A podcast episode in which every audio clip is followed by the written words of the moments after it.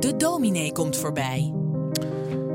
We bezinnen dan altijd een moment hier op Radio Gelderland in Zin in Zondag. Even stilstaan dus. En ons uh, af en toe afvragend waar we een beetje mee bezig zijn zo in dit leven. Uh, dat doen we met een team van zo'n 15 zingevers. Uh, uit verschillende hoeken. En nu met geestelijk verzorger Suzanne Kamminga. Goedemorgen. Goedemorgen Daan. Uh, goed je weer te zien bij ons in de studio. Het is een tijdje geleden. Hè? We hadden steeds contact met allerlei verbindingen en zo. Uh, ook in jouw werk uh, mag je waarschijnlijk steeds meer mensen ontmoeten. Uh, hoe is dat voor jou? dat mag wel inderdaad. Ik doe nog een beetje voorzichtig. Dus heel ja. veel veranderd is er niet. ik ga op bezoek bij kwetsbare mensen. Ik heb zelf een chronische ziekte. gebruik afweer onderdrukkende medicatie, zoals dat heet. Dus ik, ik ben nog wat zoekende daarin, maar ik doe voorzichtig aan. Mm. Dus veel veranderd. Nou ja, misschien ietsje meer dingen ja, doen. Ja, ja. Um, je werkt onder andere voor aan de stamtafel. Ik zei het zojuist al, uh, dat is geen kroeg hè, eigenlijk. Nee, toch? nee, dat zou je denken. Ja, ja, ja. zo klinkt het. Nee, dat is mijn uh, eigen praktijk. Die bestaat nu bijna tien jaar. Ik uh, ja, dat is mijn praktijk als vrijgevestigd geestelijk verzorger. En natuurlijk heeft het een knipoog, uh, wel een serieuze knipoog. Eigenlijk twee dingen. Uh, het gaat om zingeving, uh, daarover praten. En dat begint eigenlijk al door aandacht te hebben voor elkaar. met een kopje koffie. Ja. en dat, dat, dat kan iedereen in principe. en het tweede is dat een stamtafel is welkom voor iedereen. Daar kan iedereen aanschuiven. Ja. En dat wil ik zeker uitstralen. Ja.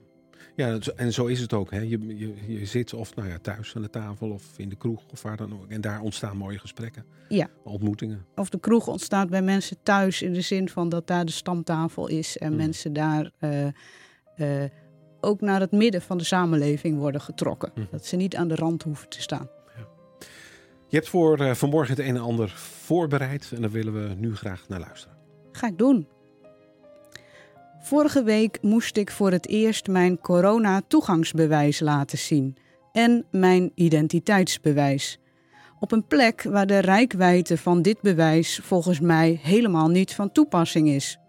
Ik ging niet naar iets cultureels, niet naar een evenement, niet naar een georganiseerde jeugdactiviteit, niet naar de horeca, niet naar een sport en ik volgde ook niet iets van onderwijs. Toen mijn rechter wenkbrauw omhoog schoot, hoorde ik iemand zeggen: Tja, ik voer ook gewoon de wet uit. Ik voer ook gewoon de wet uit. Ik geloof niet zo in dat zinnetje. Het klinkt in mijn oren nogal rigide. Pleit ik dan voor rebellie? Voor lak aan de wet hebben? Nee, ik geloof ook niet in rebellie. Want wie rebelleert tegen de wet, zit in feite net zo vastgeklonken aan die wet als degene die de wet rigide wil toepassen. Rebellen en muggenzifters zijn in feite beiden slaaf van de wet. De wet wordt op die manier een lastig juk of een ijzeren stok om mee te slaan. Een stok waardoor de samenleving splijt in tegenpolen. Een stok waardoor de samenleving lijnrecht tegenover elkaar komt te staan. Het corona-toegangsbewijs doet onze samenleving geen goed. De grote focus op dit bewijs leidt tot uitsluiting van mensen.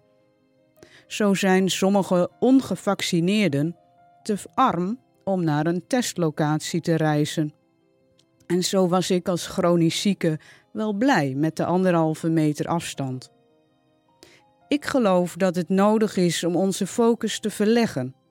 In plaats van ons te focussen op de wet, zouden we ons allereerst moeten focussen op dat wat kwetsbaar is. Op de kwetsbaarheid in onszelf, op de kwetsbaarheid in de ander, op de kwetsbaarheid in de samenleving. Ik denk aan het restaurant in Ede. In dit restaurant werken mensen met een afstand tot de arbeidsmarkt. Als er ergens aandacht is voor kwetsbare mensen, dan is dat wel in dit restaurant. Dit restaurant kreeg bijna een dwangsom opgelegd van de gemeente omdat het restaurant de QR-code niet checkte. Dat het restaurant wel de anderhalve meter bleef handhaven, deed er niet toe. Hoe is deze dwangsom te verklaren in het licht van artikel 58b en artikel 58rb van de Wet Publieke Gezondheid? Het zou fijn zijn als mijn collega-juristen hier hun licht over laten schijnen en hun mond erover open doen. Informeer mensen over deze nieuwe wetgeving. Het lijkt nu net alsof je altijd een QR-code moet scannen als restaurant. Terwijl de wet publieke gezondheid meer ruimte biedt volgens mij. Ik vermoed dat het ontbreekt aan goede kennis over de wetgeving rond de QR-code. En daardoor krijg je ook dat de wetgeving rigide wordt toegepast. Dan verwoordt recht tot een stok, terwijl het een cirkel is. Een geheel van wetten, rechtspraak, gewoonten en verdragen.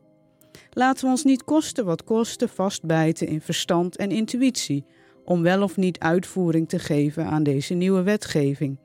Laten we niet rigide elkaar de wet lezen, zodat de uitvoering voelt voor mensen als een galg. En laten we niet totaal doorschieten en elkaar bedreigen met een galg. Dat is echt een doodlopende weg. Laat de wetgeving en regels, laat het recht een middel zijn om het kwetsbare te beschermen en samen te leven. En die galg, laat die dan een oproep zijn om erbarmen, een symbool van bittere kwetsbaarheid, teken van de lijdende mens. Verleg de focus, zie de mens, zie het kwetsbare.